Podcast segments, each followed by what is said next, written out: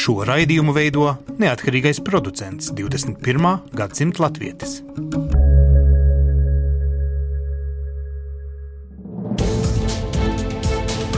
Septiņas dienas Eiropā piedāvā Eiropas radiotīkls Eironet.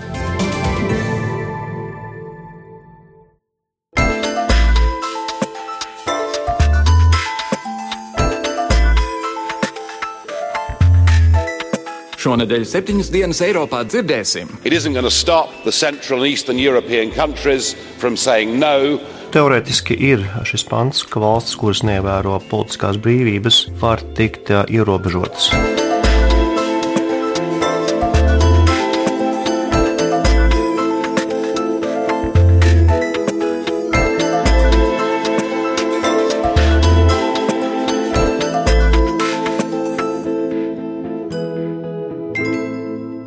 Labdien, godājumie klausītāji! Sveicam jūs jaunākajā septiņas dienas Eiropā izlaidumā studijā Kārlis Streips. Ziņu aģentūra Reuters mums atklāja, ka pagājušajā nedēļā pēc sarunām kādā polijas kalnu kurortā Ungāru līderis Viktors Orbāns, sēžot līdzās polijas Jaroslavam Kačinskim, izteica kolēģim lielu komplimentu. Mums ir tāds sens teiciens, teica Orbāns. Ja kādam ļoti uzticaties, tad varat iet kopā zakt zirgus. Mēs, Ungāri, šobrīd labprāt ietu zakt zirgus kopā ar poļiem. Orbāns jau sen ir Eiropas nepaklausīgais pabērns, bieži saņemot Briseles un citu Eiropas līderu kritiku par viņa antimigrantu nostāju, kā arī apņēmību konsolidēt visu varu valdošās Fidēšu partijas rokās. Bet kopš kaimiņos Polijā ievēlēta Kačinska labējā likums un taisnīgums partija, uz Eiropas skatuves Orbānam beidzot parādījies draugs un cīņas biedrs. Abi līderi ir pārliecināti, ka viņu nostāja sakrīt ar tiem Britiem, kas šovasar nobalsoja atstāt Eiropas Savienību, jo Brexit kampaņa bija tāda paša pret Briseli vērsta kritika, ko Orbāns un Kačīnskis jau sen pauž. Tagad šī zirgu zagļu alianse ar lielāku pārliecību gatava aicināt Briseli dalību valstīm atgriezt pilnvaras un teikšanu, tādējādi sākot jaunās Eiropas identitātes meklējumus. Šis draud novest līdz vēl lielākai sadursmei ar pro-eiropeiskiem rietumu līderiem, kas, neskatoties uz Lielbritānijas balsojumu, joprojām saskata, ka risinājums šī brīža problēmām ir vēl ciešāka sadarbība starp atlikušajām savienības loceklēm. Tālāk šonadēļ raidījumā par nepaklausīgajām Eiropas dalību valstīm, kā arī par to, vai Junkera stāvoklis Eiropas Savienībā izvirzītais rīcības plāns sakrīt ar aptaujāto eiropiešu uzskatiem, kādai viņu prāt būtu jābūt Eiropai. Bet vispirms par to, vai ASV un Krievijas izstrādāts un Sīrijai uzspiests pamiers vispār var būt noturīgs.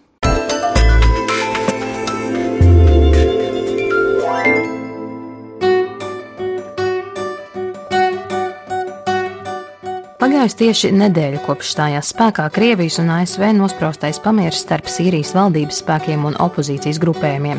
Pēc ilgajām sarunām ASV pārsteidzošā kārtā noteica, ka, ja septiņu dienu laikā iesaistītās puses neatsāktu kara darbību, ASV piekristu ar Krieviju dalīties resursos un informācijā, lai kopīgi koordinētu cīņu pret teroristiskajiem grupējumiem kā Daīši. Paredzamā kārtā šajā laikā parādījušies arī pirmie šķēršļi pamiera ievērošanā. Viens no galvenajiem pamiera mērķiem ir nogādāt humanitāro palīdzību līdz šim ielēgtajām iedzīvotāju vietām, tomēr neviena no karojošajām pusēm nav nodrošinājusi palīdzības sūtījumu netraucētu piegādi. Kā liecina ANO īpašais sūtnis Sīrijā Stefans Demistura, Asada valdība nav apstiprinājusi palīdzības konvojiem pārvietoties tās kontrolētajā teritorijā. Turklāt vairāki pret valdību noskaņotie grupējumi nav piekrituši pamieru nosacījumiem un vardarbību turpina. Tas licis Krievijas valdībai vērsties pret ASV, apgalvojot, ka tās atbalstītie opozīcijas grupējumi pamieru pārkāpuši jau vairāk kārtīgi. Lai arī bojāgājušo skaits ir būtiski samazinājies un sprādzienu virs Alepo nav dzirdami, izpostītās pilsētas iedzīvotāji ikdienu dzīvo bailēs par kara darbības atsākšanos. Vairāk stāsta Oxfam reģionālās programmas vadītājs Endijs Beikers. The ceasefire is very, very welcome news. It's great that there's finally some traction in this terrible crisis. Ir prieks piedzīvot pauzi šim šausmīgajam konfliktam, un apkārt var manīt zināmu mieru un cerību atmosfēru. Tiesa, diemžēl, iepriekš nostādītie pamieru noteikumi nav palīdzējuši mums darīt savu darbu. Humanitārās palīdzības organizācijām pilnīga drošība pagaidām nav garantēta. Mēs nestrādājam vieni. Visas Sīrijā iesaistītās organizācijas rūpīgi vēro situāciju, lai noskaidrotu, kad būs iespējams virzīties uz priekšu. Mums ir jāsadarbojas ar Sīrijas valdību, lai saņemtu atļauju konvoju kustībai, kā arī citiem bruņotiem spēkiem. Ir cerība un vēlme pēc palīdzības, ko varam sniegt. Bet pagaidām atliek tikai gaidīt mirkli, kad būs pietiekami droši tā darīt. Šis nav pirmais mēģinājums noslēgt pamieru. Ir bijuši vairāki mēģinājumi arī pirms tam, un katrs no tiem ir ciets neveiksmi. Mēs izmisīgi vēlamies, lai tas tiktu ievērots. Tomēr pastāv ļoti daudz risku, kas to var izjaukt. Zināms, ka vairākas bruņotas grupas nav piekritušas pamieram. ISIS un Al-Nusra vispār nav iekļauts pamierā, un viņiem būs ļoti daudz iespēju iejaukties un atsākt konfliktu. Tādēļ likmes ir ļoti augstas. Šis ir pacietības jautājums. Tādēļ ceru, ka turpmākajā laikā izdosies konvojiem atsākt savu kustību, lai sniegtu nepieciešamo palīdzību.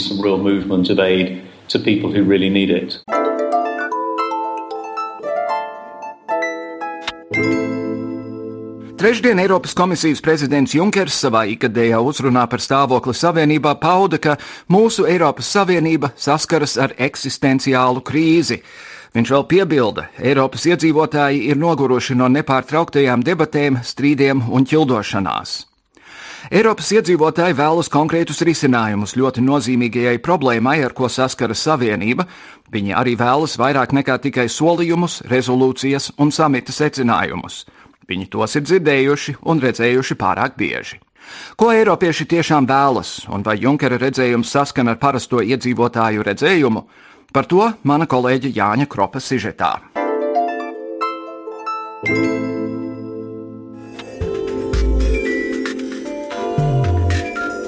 Ikgadēja augstākās amatpersonas uzruna atklājot parlamentārās sesijas ir lielā mērā no ASV aizgūta pieredze. Eiropas Savienībā šādu tradīciju ieviesa bijušais Eiropas komisijas prezidents Jose Manuels Barozo, kurš 2010. gadā pirmo reizi uzrunāja Eiropas parlamenta deputātus tās augtajā runā par situāciju Eiropas Savienībā, ko angliski sauc par State of Union uzrunu. Žanam Klodam Junkaram gan šī gada uzruna bija jāsaka nepateicīgā brīdī. Viņa vadītā Eiropas komisija ir spiesta sadzīvot ar Britu izstāšanos no Eiropas Savienības, ar nerimstošo bēgļu krīzi un arī sadarbības problēmām, kas prasīs lielāku integrāciju. To, kā galveno uzrunā saklausīja portāla Delfi žurnālists Filips Lastovskis, fragments no viņa sarunas ar Latvijas radio. Saklausīt trīs galvenos uzsvarus tālāka integrācija Eiropas Savienības dalību valstīm, tātad lielāka sadarbošanās Tā kā cenšamies atjaunot to sajūtu, ka mums ir jāstrādā kopā, tad integrācija būtu viens. Otrs, aizvien tāpat kā pagājušā gada migrācijas jautājums bija top 3 tēmu lokā, kā arī tāds kā jauninājums salīdzinoši ar pagājušo gadu bija fokus arī uz aizsardzības jomu, kādā veidā Eiropas Savienības valsts varētu vairāk sadarboties nu, aizsardzības politikas veidošanā. Tā kā aizsardzība, migrācija un integrācija būtu tie trīs, man liekas, fokusi. Pirms šīs uzrunas tika publicēti aptauju dati par Eiropiešu bažām. Kas tad ir tās lietas, kuras satrauc galvenos Eiropas Savienības projekta dalībniekus pašus Eiropiešus? Lielākā daļa aptaujāto atzina, ka viņus bažīgus dara terorismu draudu un robežu drošība. Interesanti, ka tieši robežu drošībā Eiropieši lielāku lomu sagaida no Eiropas parlamenta. Savukārt ekonomikā lielākais izaicinājums ir apkarot tos, kas izvairās no nodokļu nomaksas, bet tāpat nemainīga saglabājas Eiropiešu cerība, ka Eiropas Savienības institūcijas vairāk darīs, lai gādātu arī par vidas aizsardzību, nodarbinātības veicināšanu un migrācijas krīzes risināšanu. Tāpat tika aptaujāti arī ietekmīgāko Eiropas parlamentu deputātu grupu pārstāvi, kur īpaši izcelt gribētos eiroskeptiķa Dāvida Borelli sacīto. Lai Eiropas Savienības projekts būtu dzīvotspējīgs, galvenais ir, ko Eiropa var dot parastiem cilvēkam. Borelī to raksturoja kā Brīseles lēmumu tēmēšanu uz parasto Itāliju, Itālijas mazpilsētā. Skaidrs, ka tieši eiroskeptiķi, kā tas viņiem piestāv, ir visskeptiskākie Junkera runas vērtētāji. Ieskatām, piemēram, britu eiroskeptiķa Nigela Farāģa sacītais uzreiz pēc uzrunas. was of course started by your predecessor. Šī uzruna ir tradīcija no Jose Manuela Barozo laikiem, kuru mēs starp citu varam apsveikt ar jaunu un labi apmaksātu darbu Goldman Sachs. Tiešām labi pastrādāts. Junkera kungs, ja kas, atcerieties, lielie puiši parūpēsies arī par jums. Bet klausoties šo runu, es vēlreiz priecājos, ka mēs, Briti, nobalsojam par izstāšanos. Skaidrs, ka nav izdarīti nekādi secinājumi par bloka nākotni pēc Brexit. Tiek turpināta ierastā recepte - runāt par vairāk Eiropas. Tagad jau par vairāk militārās Eiropas. Manuprāt, šāds lēmums tikai vairos opozīciju dalību valstīs. Kopā ar Merkeles kundzes migrācijas politiku tas novedīs, ka vēl vairākas centrālās un austrumēropas valstis sāks domāt par referendumu rīkošanu vai palikt šādas Eiropas Savienības sastāvā. Protams, Naidžels Farāčs labāk tiktu galā ar pārmetumiem par savu godaprātu Brexit kampaņā, tomēr eiroskeptiķiem ir daļa taisnības, kad runa ir par pretestību Eiropas Savienības federalizēšanā. Latvijas televīzija aptaujāja Latvijas eiroparlamentāriešus, kuri uzsvēra, ka spēlēšanās ar NATO vienotību nav laba doma. Ieskatām Andrejam Mikina un Roberts Zīles sacītais. Man ļoti patīk viņa domā par faktiski Eiropas armijas radīšanu. Un te es varu prognozēt, ka Junkers sastapsies ar ļoti lielu pretestību, jo Austrum Eiropā nevēlas un negrib neko dzirdēt, izņemot NATO. Ja Eiropas Savienība plāno šo militāro pusi, tad jāatcerās, ka divas spēcīgākās NATO armijas, ASV un Lielbritānija, ir, ir it kā atstātas ārpusē. Kas ir ārkārtīgi liekas, riskanti šādā ģeopolitiskā situācijā spēlēties ar NATO vienotību, kas, manuprāt, ir Latvijai ārkārtīgi svarīgs. Un um, ir svarīgi, ka Junkers nepieminēja Krieviju vispār. It kā nebūtu Ukrainas, it kā nebūtu Krimas aneksijas. Tas ir, es domāju, ļoti bīstami. Tā kā es esmu samērā kritisks, lai arī tā teiksim, naudas ziņā ausīm ļoti patīkams ziņas bija daudziem. Vidzemes augstskolas lektors Jānis Kapustāns uzskata, ka runas par armijas veidošanu nav nekas jauns. Imigrantu kontrolas nodrošināšanai ir sākta Eiropas robežu sārdzes veidošana. Jāceras, ka Junkers arī kā politiķis pārstāv Eiropas federālistu idejas. Es gribētu teikt, ka īstenībā šāda veida izteikumi nav nekas jauns. Protams, no Eiropas Savienības viedokļa, ja Briti aiziet, tad ir kā šādai idejai vieglāk virzīties, bet ja mēs skatāmies uz Latvijas interesēm, tad es domāju, mēs tomēr īpaši ieinteresēti neesam, jo Latvijas interesēs viennozīmīgi ir NATO un Amerikas Savienoto valstu. Šī drošības garantēšana, jeb citiem vārdiem sakot, vai mēs Latvijā varam būt droši, ka Vācija, Itālija, Grieķija, kā piemēram šīs valstis, vai viņas tiešām būtu gatavas karot par Latviju, ja kāda austrumos esoša kaimiņu valsts izdomātu kaut ko šeit rīkoties. Es domāju, ka mums būtu ļoti lielas šaubas. Otrā lieta, ko mēs varētu akcentēt eh, Brexit sakarībā, es domāju, ka Junkaram visā viņa prezidēšanas Eiropas komisijā laikā tas tomēr ir vislielākais trieciens. Un šis Brexit nu, maina šo Eiropas Savienības situāciju vēl tiek teikts, ka Eiropas Savienībā ir eksistenciāla krīze. Un ļoti interesants simbols ir tas, ka Junkers savu runu teica nevis tradicionāli divās valodās, angļu un franču, bet šoreiz viņš savu runu, uzrunu teica trijās valodās, un pirmā uzruna bija vācu valoda. Tas ir tāds labveids simbols, kas simbolizē šo Vācijas arvien pieaugušo lomu Eiropas Savienībā. Vienīgā kaut cik reālā lieta, ko Junkers pieminēja savā uzrunā, ir viņa vārdā nosauktā investīcija programma. To plānots palielināt divkārt, lai dalību valstu projektiem varētu novirzīt 600 miljardus eiro. Tikai problēma tā, ka Junkers nepieminēja nepieciešamību aktīvāk pie šiem projektiem strādāt. Valstis ir ņēmušas izdevīgu aizņēmumu no Eiropas komisijas starpnacionāliem projektiem, bet ne savas nacionālās konkurētspējas palielināšanai.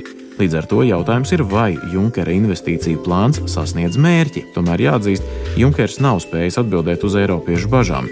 Jau pieminētā aptāja, kurā Eiropas Savienības iedzīvotāji atzīst bāžas par fizisko un ekonomisko drošību, liek atgriezties pie jautājuma par Eiropas Savienības eksistenciālo krīzi. Eiropas komisija liek cerības uz nacionālo valstu valdībām tā, it kā politiķi būtu tie, kas saturēs kopā Eiropas Savienību. Tomēr sociologu savāktie dati liek domāt par kaut ko citu. Bažīgs ir parastais Eiropietis, un, kā zināms, kur tautai bailes, tur atrodas izmanīgi populisti, kuri šīs bailes arī izmanto. Ja Briseles lēmumi neuzrunās pierindas Eiropieti, tad tiešām, kā teica Vācijas bijušās komunistu partijas, bet tagad Eiropas parlamenta zaļo pārstāve Gabriela Cimere, Unikālais projekts vārdā Eiropas Savienība var arī izgāzties, un iemesls tam ir sajūta, ka Eiropas komisija runā cilvēkam nesaprotamā valodā. Saknes tam noteikti aug jau no lielās finanšu krīzes sākuma, jo ierindas Eiropietis vairs nav drošs par savas nākotnes perspektīvām, kas allaž tika asociētas ar Eiropas Savienību. Eiropas vienotības idejas pamatā laikam tomēr būs bijusi vēlme dzīvot ekonomiskā labklājībā.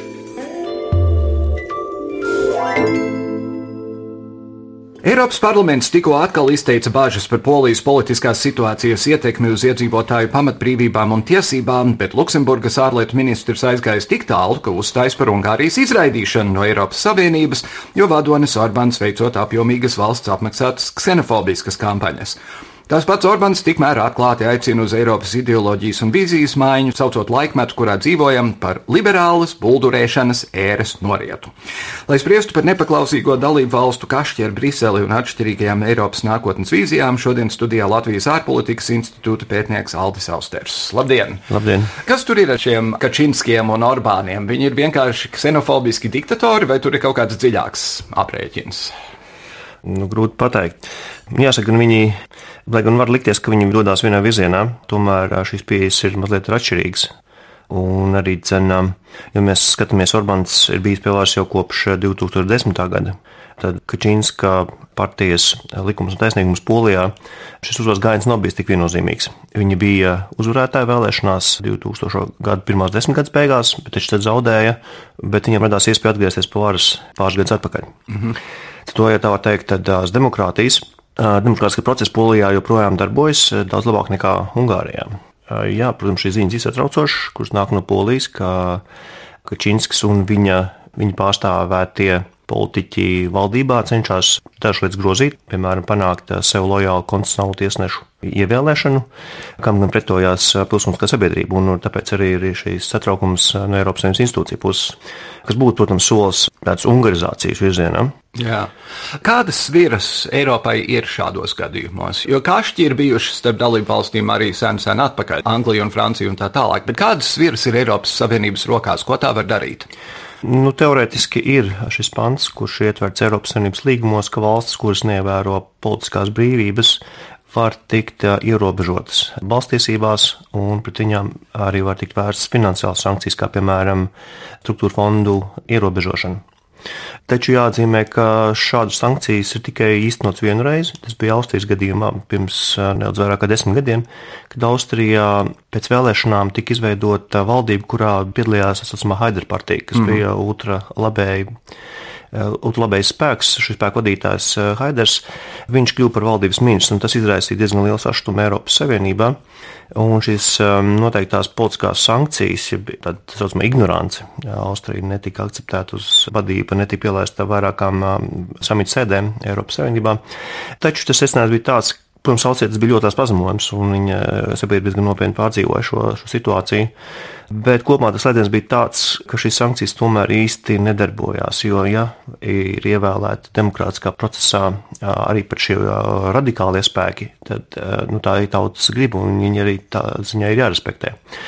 Līdz ar to kopumā jāsaka, ka nu, tādu nozīmīgu ietekmīgu sankciju nav, ir diezgan grūti sodīt dalībvalstis jo to interešu ir daudz, daudz, daudz vairāk. Tie sastāv daudz lielāki zaudējumi eh, nekā tad, ja tiktu īstenot šīs sankcijas. Mm -hmm. Jā, nu, tā kā šobrīd var notikt tāda teorētiskā līmenī. Cik lielā mērā, jūsuprāt, ir taisnība Marinai Lepenai un citiem, kuri bilst, ka tagad ir mainījušies laiki, tagad ar vien vairāk un vairāk un vairāk sabiedrības virzīsies viņu virzienā, respektīvi ksenofobiski, zināmā mērā rasistiski, pret bēgļiem vērstus un tā tālāk? Jā, nu, savā ziņā Lapēns kundze ir taisnība. Tas ir līdzīgi kā vilnim, viņš veļās pāri, tas kļūst populāri būt eiroskeptiķiem, būt globalizācijas pretiniekiem. Bet es domāju, ka tas ir pārējoši. Līdzīgi kā tas notic arī citu ideju gadījumā, politisku ideju gadījumā, viņas kļūst populāras un tad viņas atplūst. Bet cik tālu šie procesi var aiziet, nu, te mēs varam, protams, spekulēt. Un tas patiesībā ir interesants jautājums. Vai mēs nonāksim tur, kur nonāca Rietumē Eiropas demokrātijas 30. gados, kad izvērtās plašs autokrātismu kults, pārsvarā visās nu, vecajās demokrātijās, gan ne, bet, bet ja runājam par austrumu Eiropu, tad viennozīmīgi visur notika vai nu valsts apvērsumi, vai kādā citā veidā, bet varas nāca autokrāti, tā skaitā arī Latvijā. Vai tas aizies tik tālu, Mm, gribētos domāt, ka nē, nu, tomēr tā, tā vēsturiskā atmiņa ir un, un apziņai, pie kā tas var novest, arī tas būtu tikai vesels saprāts. ka pilsoniskā sabiedrība pretotos un, un, un tieši vērst uzmanību kāds var būt, cik bēdīgs rezultāts, ja valsts aiziet šāda autokrātiska nacionālisma ceļu. Bet tajā pašā laikā, teiksim, es redzu diezgan atbaidošu attīstību tajā, ko es nevaru citādi saukt kā anti-intelektuālismu. Bēgļus slikts, un um, Trumps Amerikā ir lielisks piemērs par to. Šis ir cilvēks, kurš par politiku nezina neko, bet viņš vienkārši brēc par meksikāņiem kā izvarotājiem un tā tālāk, un viņam ir diezgan liels atbalsts, lai arī tas nebūtu prātam neaptverami. Tā lieta ir tāda, ka šeit patiesībā ir vairāk aspekti. Viens aspekts ir šī baiļu sajūta, nedrošība, kas veidojas rietumu sabiedrībās, jo tas ir tas, par kur runā politiska ekonomiska, ir atdalīti ražošanas procesi no patēriņa procesiem. Mēs ražojam kaut ko, kur mēs nepatērējam, un savukārt patērējam to, kuru mēs neražojam. To cilvēki nejūt šo dabisko saiti starp savu darbu augļiem un nav pārliecināti par saviem ienākumiem. Bet ir arī otrs, otrs process, un tā ir pretestība politiskam establishmentam. Un jāsaka, ka šīs establishments, jeb šie politiskie spēki, kas šobrīd ir pie varas, viņi eh, savā ziņā ir kļuvuši pārāk glancēti, skaisti runājoši, bet maz darīts, griboši un spējīgi. Un viņi nav maz politiķi spēja uzrādīt līderību šodien. Un cilvēks tas neapmierina. Viņi vēlas kaut ko jaunu, viņi vēlas svaigas idejas, viņi vēlas pārmaiņas. Un savā ziņā ir interesanti vērot to, kas notika Grieķijā, kad pie varas nāca radikālie kreisie. Šī raza ar viņu premjeru priekšgalā. Bet tas interesantākais bija tajā, ka Grieķijā notika referendums par to, vai pieņemt donoru piedāvātos noteikumus, lai Grieķija varētu saņemt kārtējo finansiālo palīdzību. Un referendumā tika noraidīts šie noteikumi. Taču šā vai tā šis, šī razas valdība bija spējīga tomēr pieņemt šos noteikumus un uzvarēt vēlēšanās pēc dažiem mēnešiem pēc referenduma.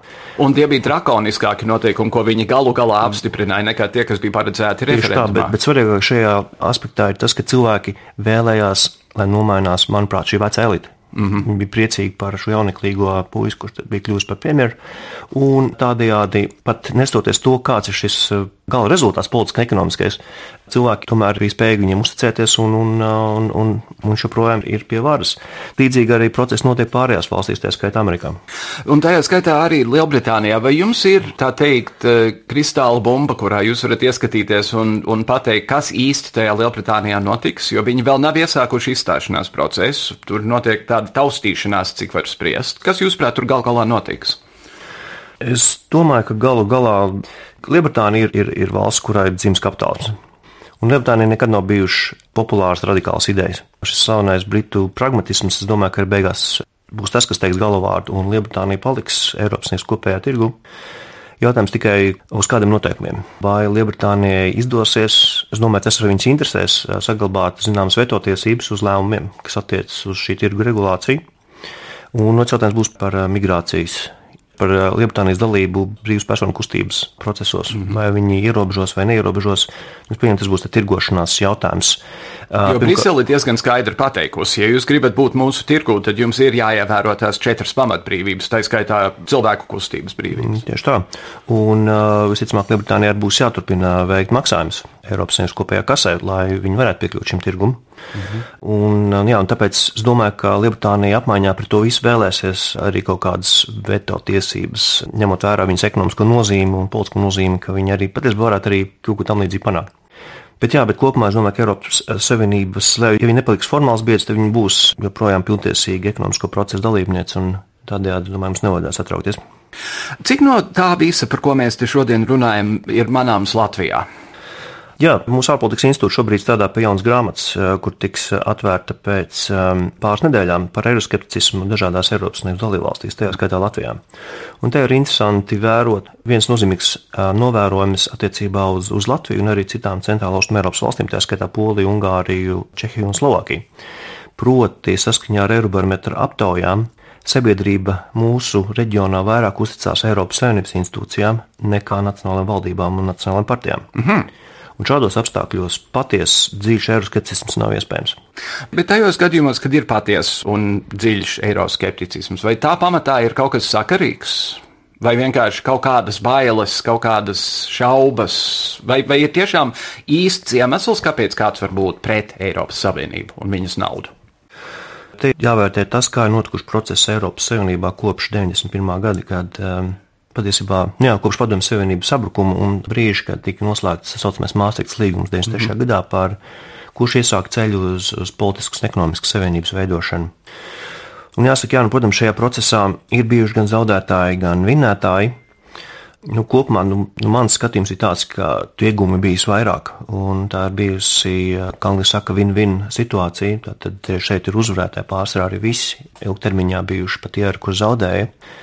Bet tomēr um, situācija mazliet atgādina to, kas bija Eiropas Savienībā 70. gados, kad bija tas saucamais eirosklerozes periods, kad bija arī tāds atslābums iestājies un tāda kūļāšanās notika. Un, un šeit ir līdzīgi ir bijis milzīgs uzrāviens no 93. gada, kurš ilga līdz 2004. gadam, kad notika lielā paplašināšanās un kad arī Latvija kļuva par Eiropas dalībvalsti, bet pēc tam ir vērojams tiešām tāds entuziasma zudums attiecībā uz šiem integrācijas procesiem un apvienojumā ar, ar globalizācijas procesiem un ar attieksmes māņu pret um, tradicionāliem politiskiem spēkiem. Tas viss veido šo fonu, kas nu, padara šo eiroskepticismu kustību Eiropas Savienības dalībvalstīs diezgan spēcīgu.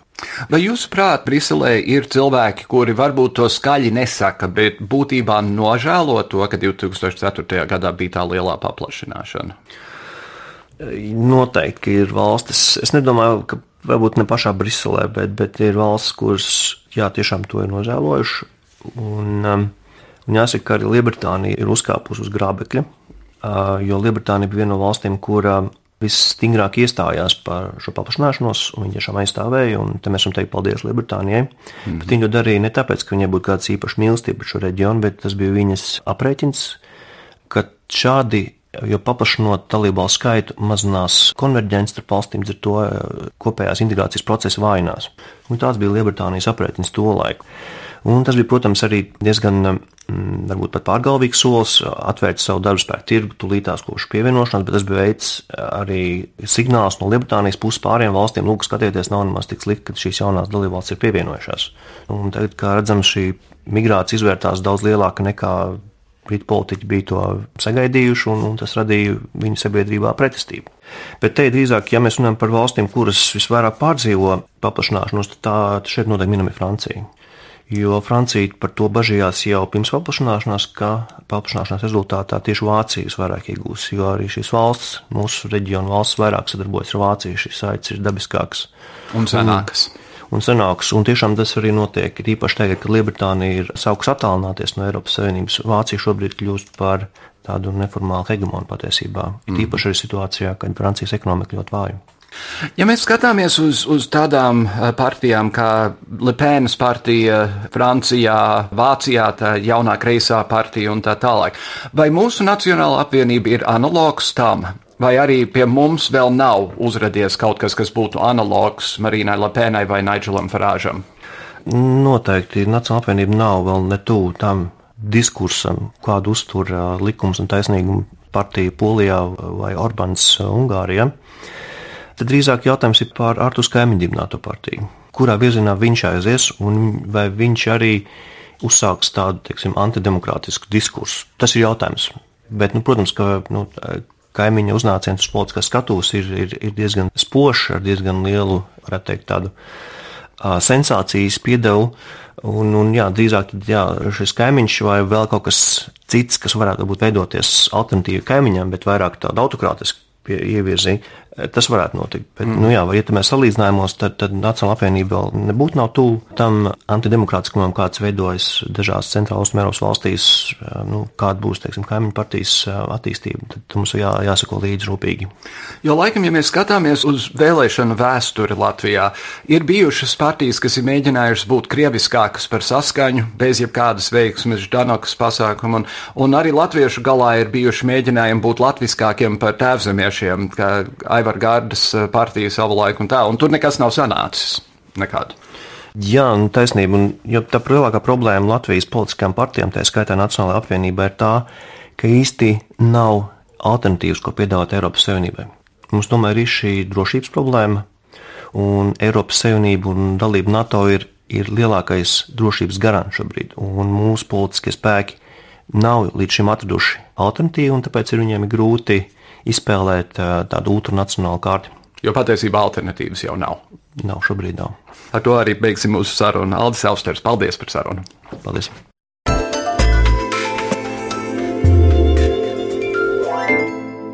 Francijas Nacionālās frontes vadītāja Marina Lepēna salīdzinājusi Brexit balsojumu ar Berlīnas mūra krišanu un pareģo, kā arī šai savienībai iestājies beigu sākums, kā toreiz bija citai savienībai. Mēs septiņas dienas Eiropā uzskatām, ka esam tam par vecu, lai ik pār gadus nodarbotos ar izjukošām savienībām. Šonadēļ apritēs trīs mēneši, kopš vairākums britu nolēma, ka viņu valstī ir jāizstājas no Eiropas Savienības. Lielbritānijas premjerministres Terēzes Meijas valdība jūlijā vidū izveidoja tā saucamo Brexit ministriju, kas ir atbildīga par sarunām ar Eiropas Savienību. Meija par tās vadītāju iecēla vienu no izstāšanās kampaņas līderiem Davidu Deivisu. Arī Eiropa ir izvirzījusi savus pārstāvjus sarunām. Eiropas komisija izveidojusi darba grupu, kuru vada Mišels Barņēs, savukārt Eiropas parlaments, savu pārstāvu izstāšanās sarunās izvirzījis Giju Verhofstatu. Eiropas Savienības un Lielbritānijas gatavību izstāšanās sarunām komentē politoloģa Iveta Kažoka. Proti, tas Eiropas parlamenta izvirzītais pārstāvis jau savulaik ir teicis, ka viņuprāt Lielbritānijai no Eiropas Savienības pēc šāda veida šķiršanās procesa nekas daudz nepienākās. Tā kā tas ir tāds veids, kā Eiropas parlaments rāda muskuļus Lielbritānijas valdībai, izvirzot kā savu sarunu vedēju cilvēku, par kuru ir zināms, ka viņš ideoloģiski uzskata, ka Eiropas Savienība ir jākļūst spēcīgākai un ka Eiropas Savienība var kļūt spēcīgāka tad, ja valstīm ir tāda liela motivācija šai savienībai pievienoties. Un tas nozīmē, ka ja kāda valsts iet projām no Eiropas Savienības, nu, tad šī valsts nevar baudīt tās priekšrocības, ko bauda citi kluba biedri, un šis konkrētais kandidāts ir tieši tāds ideoloģijas pārstāvis. Bet vienlaikus no Lielbritānijai pirms referenduma par izstāšanos nebija tādas skaidras sapratnes, ko darīt gadījumā, ja cilvēki nobalso par izstāšanos. Nebija skaidrs, kā veikt pārunas ar Eiropas Savienību tādā veidā, lai Lielbritānija no šī vairākus gadus ilgā procesa neizietu kā zaudētāju. Un šobrīd, no cim redzami, Lielbritānijas valdība mēģina noformulēt uh, kādu savu stratēģiju pārunām ar Eiropas Savienību tā, lai nu, šis gan saruna process, gan arī izstāšanās no Eiropas Savienības pamatīgi neiegāstu Lielbritānijas ekonomiku un varbūt citas svarīgas nozares desmit gadu ilgā nākotnē.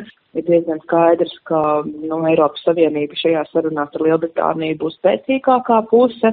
Eiropas Savienība nav sevišķi ieinteresēta ļaut Lielbritānijai baudīt visas Eiropas Savienības labumus, ja Lielbritānija nav gatava maksāt aptuveni tā tikpat daudz Eiropas Savienības budžetā, cik tā ir maksājusi līdz šim, un ļaut um, brīvi pārvietoties pa Lielbritānijas teritoriju šobrīdējiem Eiropas Savienības pilsoņiem. Tā kā es teiktu, ka šajās sarunās viennozīmīgi spēcīgākā puse ir Eiropas Savienība, kurai gan ir skaidrāka stratēģija, gan arī skaidrs, kas varētu šādas pārunas veikt. Un plus vēl nu, tā ir tādās asimetriskās varas attiecībās ar Lielbritāniju. Lielbritānija no izstāšanās no Eiropas Savienības var zaudēt daudz vairāk nekā Eiropas Savienība var zaudēt no tā, ka Lielbritānija no šīs savienības izstājas. Ar to arī izskan šīs nedēļas septiņas dienas Eiropā. Nudien dažas valstis ir nepaklausīgas, fuj, fuj, fuj. Līdz nākamajai nedēļai, dāmas un kungi, visu labu!